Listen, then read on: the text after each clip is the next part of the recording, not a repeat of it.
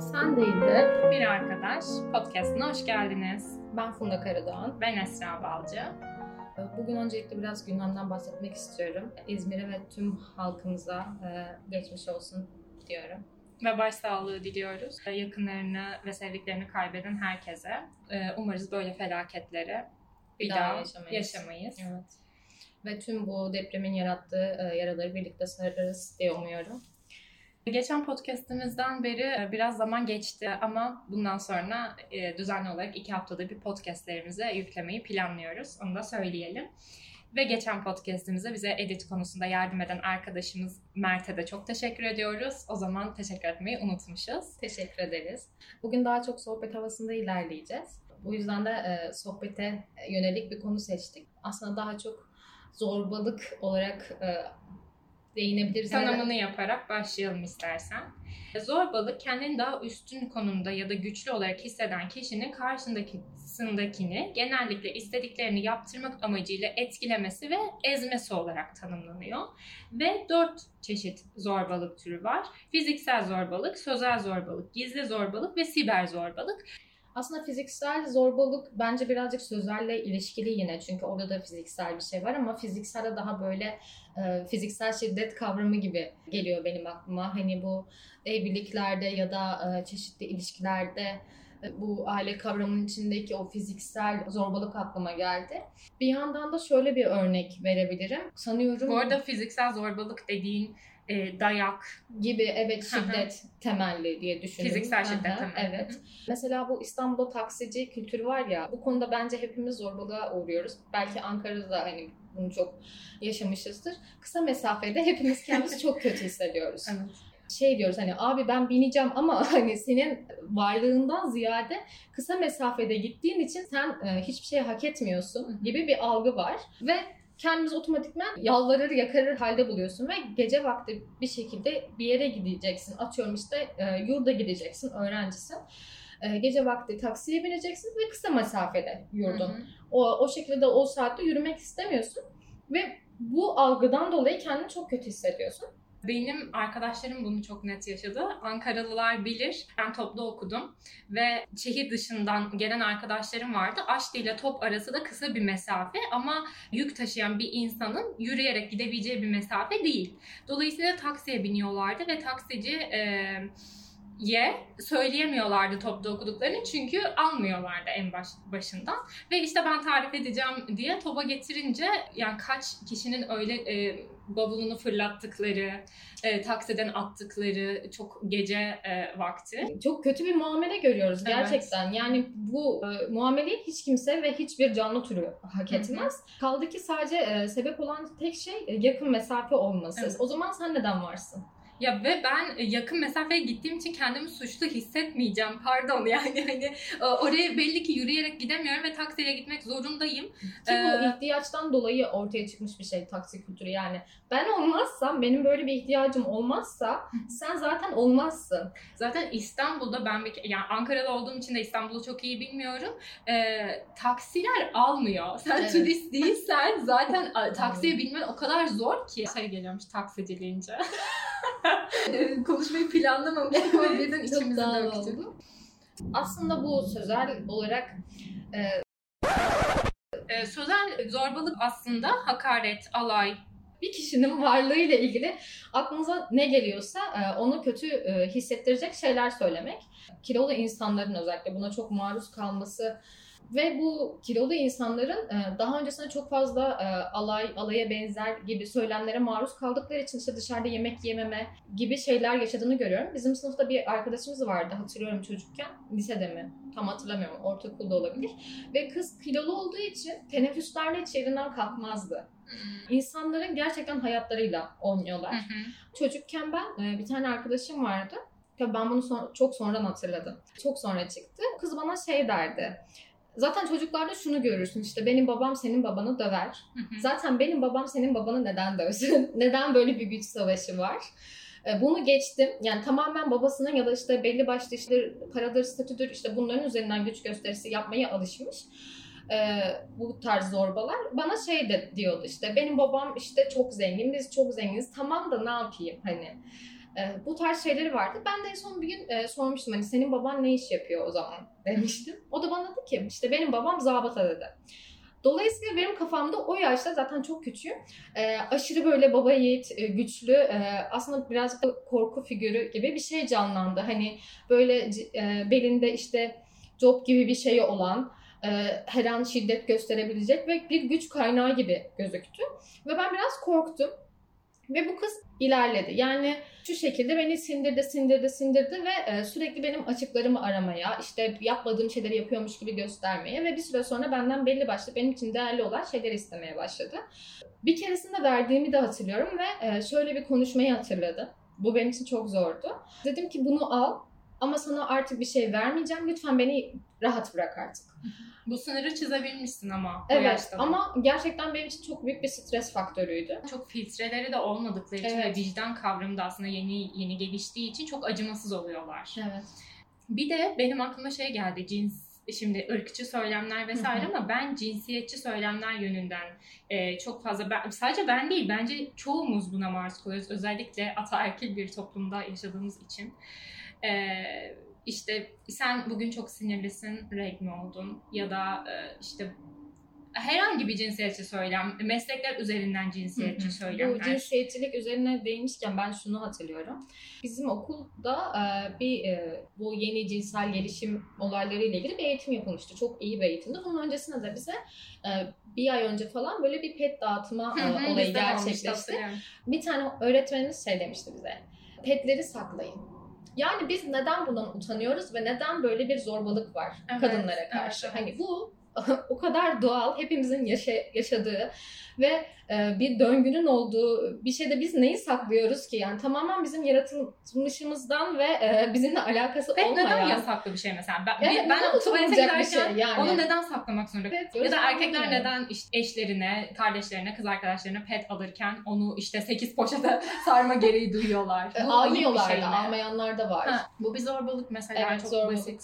E, sen dediğim yerde e, ayrımcılık başlıyor çünkü ben varım her zaman. Yani bu e, coğrafyada ya da ne bileyim dünyanın her yerinde diyeyim sürekli ötekiyiz. Sürekli işte kadınlar öteki, sürekli işte siyahlar öteki, e, renkli olanlar öteki. Bu kadar belli başlı hiçbir yere gitmeyen, e, bizimle alakası olmayan şeylerden e, agresif davranışlara maruz kalmamız gerçekten çok acı. Hı hı. E, aslında kadın olup belli özelliklere e, sahip olmak bile öteki. Yani sonuç olarak erkeklerle aynı fizyolojik değişimlere sahip oluyor olabiliriz. İşte bu buradan kadınlardaki güzellik algısına gelmeye evet. çalışıyorum. Kadınlar üzerindeki güzellik yani biz baskısı. o kaşı almak zorundayız mesela hani. Bir tane şey var ya e, geçenlerde Instagram'da çok dolaşıyordu. İşte çocuğun odası inanılmaz dağınık ve iğrenç pislik içinde yaşıyor. Şey yazıyor işte arkadaşına belinde tüy vardı çok soğudum abi. hadi Gülben hadi. Dokunma bir yere. Pislik içindeyiz. Hani e, o kadar özet ki. Evet. Yani ne diyebilirim ki? Ama bence bu herkesin zaman zaman da tartıştığı, zaman zaman da herkesin maruz kaldığı hı hı. bir e, Ama olay. kadınlar üzerinde bu daha büyük baskı. Tabii. Ee, peki sence kadınlar da bu baskıyı perçinliyor mu? Ee, bence kesinlikle katkı sağlıyor muyuz? Katkı sağlıyoruz. Hiç girmek istemiyorum bu işte kadın cinayetleri, kadına şiddet olaylarına ama kadına şiddete hayır söylemlerinde belli bir kesim çıkar ve şey der kim bilir kadın ne yaptı. O gece orada olmasaydı. O gece orada olmasaydı, mini etek giymeseydi işte şey bir tanımadığı adamla alkol işte bir şeyler içmeseydi. Çünkü patronun tacize babacan tavır falan. Bu konuda gerçekten bilmiyorum algının çok değişmesi lazım. Çünkü bence çocukların çocuk yaşta o annenin babanın kim bakım veriyorsa, her kimse başka bir insana zarar verilmeyeceğini ve başka bir insanın bedeninin kendi e, bedeni kadar değerli olduğunu öğretilmesi lazım. Önce çocuğa kendine saygı öğreteceksin, sonra bir başkasına saygıyı öğreteceksin ki hı hı. biz bunları konuşmayalım. Şu an biz şeyleri konuşuyoruz. Yani bu çocuk işte kız çocukları kendini nasıl koruyacak? Mahremiyet eğitimi veriyoruz. Biz mahremiyet eğitimi niye veriyoruz? Sana o çocuğa başka bir e, çocuğa saygı duymasını öğretsene. Yani bence başka başka konuşmamız gereken şeyler var ama şu an geldiğimiz nokta çok kötü.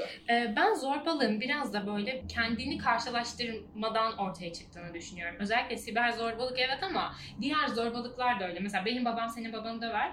Ee, o yaştaki çocuğun algısı çevresindeki insanların gözlemiyle oluştuğu için kendi babasını seninkiyle kıyaslıyor. E seninki benimkinden güçlüyse e benim babamda bir problem mi var acaba? Çünkü kendi babasına dair algısı da senin üstünden şekilleniyor. Karşılaştırma kültürü bence bizim yetişkinliğimize de bu sosyal medya üzerinden yansıyor. Çünkü en fazla e, orada karşılaşıyor. Güzellik olabilir, para olabilir, statü olabilir, meslek olabilir, akademik kariyer olabilir. Her yerde bizim karşılaştıracağımız kendimizde bir unsur var. Evet. Peki e, ya herkes karşılaştırabilir ve herkes kendinden güzel Hı hı. ya da işte e, ulaşmak istediği mevkide bir insanı Evet. görebilir. O e, aşamayı geçip de ona kötü şeyler yazma, yani siber zorbalığa bunu vardıran nokta ne oluyor sence? Hangi çizgiyi aşması gerekiyor ya da o insanda hangi özelliğin bulunması gerekiyor? Ee, ben de işte bu çocukluğa dayanıyor. İşte elinde olmayan ve kendine hayatta kalan işte doğal seçilim mevzusu var ya işte Hı hı. güçlü olan hayatta kalır. Güçlü olmak ne? İşte güzel olmak, sağlıklı olmak, üreme sisteminin işte uygun olması, belli bir şekilde avlanabilmek, karnını doyurmak. Bu, bugüne geldiğimizde bu tarz eksikliklerle ya da belli başlı eksikliklerle geldiysek o güç savaşını aslında biz sosyal medyada yaşıyoruz ve sürekli kendimizi karşılaştırır haldeyiz. Dolayısıyla sürekli şeyle karşılaşıyoruz işte. İşte bu zorbalığa da aslında bir alan tanınıyor. Çünkü hepimiz şu algıdayız. Sanki e, nişan fotoğraflarını yayınlamayınca nişanlandığımız anlaşılmayacak. E, mesleğimizi yazmayınca mesleğimizin e, bizim kim olduğumuz bilinmeyecek. E, hepimiz yapıyoruz. Belki ben bile yapıyorum. Çünkü bu algı e, bunu doğurdu. Bunun karşısında hepimiz bu zorbalığa hem maruz kalıp hem de e, zorbaları şey doğuruyoruz. Bununla ilgili daha bugün arkadaşımla konuştum. İşte bir tane model vardı ikimizin de beğenerek takip ettiği ve kadın vücut olumlamayla ilgili şeyler paylaşıyor. İşte kendi şopsuz fotoğraflarını paylaşıyor, şoplu fotoğraflarını. İşte diyor ki filtreler çıktığından beri diyor gözlerimi olduğundan daha küçük, burnumu olduğundan daha büyük, dudaklarım olduğundan daha küçük, vücudumu olduğundan daha kötü görmeye başladım. Ee, ve kadın gerçekten çok güzel. Ee, artık diyor işte bu yaşasın vücut olumlama işte e, artık filtresiz fotoğraflar e, filtreli fotoğraflar paylaşmayacağım falan ertesi gün filtreli fotoğraf paylaşıyor. Şimdi bir yandan evet onu istiyor ama bir yandan da e, insanlar buna devam ediyor ve belki diyor ki ben tek başıma bunu yapınca e, Ben bu grubun Bir- dışındayım. bir etkisi Yani. olmayacak bunun. Yani ee, ama bir kısım da var ki ben bunu yaparsam başkası da yapacak, başkası da yapacak ve böyle böyle bunu aşacağız diyen bir kısım da var. Dolayısıyla insanların kafası da karışmış durumda. Öyle bir e, karşılaştırma dönemindeyiz ki Evet. insan bunu düşünüyor ve mantıklı buluyor ama uygulama noktasında e, eksik kalıyor. Evet. Belki biz de hani bu düzenin içindeyiz hala ama belki bir uyanma aracı olabilir bu konuşmada şu an ama bilmiyorum nereye kadar nerede uyanırız, nerede bu davranış değişikliğine gideriz. Önce bunu bir tartmak, konuşmak lazım. Burada önemli olan şey. Şu an akran zorbalığı şey gibi de algılanıyor. Sadece çocuklukta gibi algılanıyor ama hani yetişkinlikte zaten biz sürekli bu zorbalığa uğruyoruz. İşte atıyorum akrabalar arasında e, bir evlenme haberinin e, gelmesini bekleyen bir akraba var. Hani E, ne zaman evlilik? evet yani böyle bir e, toplum böyle bir kültürde de sürekli zorbalığa uğruyoruz ya da işte ne bileyim evlenen çiftlerden sürekli hani hemen çok çocuk bekleme gibi başkalarının hayatlarına biz karar veriyoruz yani zorbalık birazcık da bu Ee, ve aslında dedin ya meslekler de aslında zorbalığa uğruyor. Mesela bizim mesleğimizde bilmiyorum herkes kendi mesleği için de e, konuşabilir ama bizim meslekte şöyle bir şey var. Oturdukları yerden para kazanıyorlar abi. Mevzu. Yo yani gerçekten ben e, danışan aldığımızda hani konuşuyoruz işte ne bileyim farklı farklı yerlerde işte atıyorum psikoteknikte bile çalıştığımızda ne kadar zorlandığımızı ve e, milyonlarca e, şey düşündüğümüzü belki hani bir gün falan e, sadece bir danışanla ilgili işte konuştuğumuzu, kafamızı kaldırmadığımızı, milyonlarca şey okumamız gerektiğini, ona işte düşünce değişikliği yaratmak için milyonlarca şey yaptığımızı konuşabiliriz yani bu bir gerçek hiç öyle bir şey yok. Biz belki başka mesleklere de yapıyoruzdur bunu. Bu arada çok e, bunu yeri gelmişken söylemek istiyorum. Çok ışıltılı bir hayat ve çok böyle ideal bir meslek gibi gözükebilir. Ben mesleğime aşığım. Evet, çok seviyorum ve meslek. Hiç pişman değilim her şeye rağmen seçtiğime ama e, göründüğü kadar kolay bir yol değil ya kesinlikle. yüksek lisans meselesi bir kere mesela. yüksek lisans bile çok Evet. zorlu. Çok çok çok zorlu Ya, bir yol. Kan ter göz yaşı yani. Şu an baktığımızda eğri oturup doğru konuşalım. Şimdi herkes şey demesin. Linç yiyeceğim tut beni. ya mezun olduktan sonra işte kesin giriliyor demek ki bu senin başarısızlığın falan filan denmesin. Hayır. Hayır yani ben Yani böyle bir şey yok Böyle bir zaten. şey yok. Bir de zaten e, okurken de şuna da maruz kalıyoruz şimdi. o, E, hocalarımızı kötülemek falan gibi değil ama sanki sen yüksek lisans yapmayınca bir hiçsin gibi bir algı var okullarda. Lütfen bunu değiştirin. Yetkilileri buradan psikolog sinirlen. Yetkilileri buradan Ee, ya şöyle bir de bunu da bugün arkadaşımla konuştum. Bu yeni çıkan, yeni nesil psikolojiyle alakalı dizilerden e, diziler hakkında bir şeyler söylemek istiyorum. Bazılarını takip ediyorum, bazılarını Evet. takip et bırakmak durumunda kaldım çünkü tahammül de edemiyorum. bıraktım. O kadar yanlış algılara sebebiyet veriyor ki bir yandan. Ee, Bir yandan bir açılım, bir yandan da e, yani biz e, danışanlarımıza mesela sürekli sarılmıyoruz. Sarılmıyoruz, çay kahve Çay ikram kahve. Yani pek çok etik ihlal var. Bunun hakkında zaten psikologlar e, yazıyorlar, çiziyorlar etik ihlalleri. Ama şunu duydum mesela arkadaşımın çalıştığı danışmanlık merkezini arayıp e, biz işte şu şu dizideki gibi bir ortamla karşılaşacağız değil mi? Aynı onun gibi davranıyorsunuz değil mi? Tarzında e, şeyler söyleyen çok fazla insan varmış son dönemlerde. E, yani bizi de buradan dinleyen varsa iki psikolog olarak da uyarmış olalım. Gerçek bir Gerçeği terapi söyleyeyim, odasında öyle bir ortamla karşılaşmayacaksınız. öyle bir ortam yok. Yok çünkü o tamamen hani hayali e, bir ortam Hı hı. yaratılmış. Dramatize edilmiş, Evet. dizi senaryosuna uydurulmuş bir ortam. Ee, böyle şeylerle karşılaşmamalısınız ve karşılaşmayacaksınız da yüksek ihtimalle. E, Herkese teşekkür ederiz. E, Siz de bu konuda bir şeyler yaşadıysanız, bir acınız, bir yaranız, zamanında e, yaşadığınız bir olay varsa bizimle paylaşırsanız çok mutlu oluruz. Evet. E, Bize ulaşmak için e, sen de ilgili bir arkadaş gmail.com ya da sen de ilgili bir arkadaş e, Instagram adresimizden ulaşabilirsiniz. Herkese teşekkür ederiz. Teşekkür ederiz. Hoşçakalın.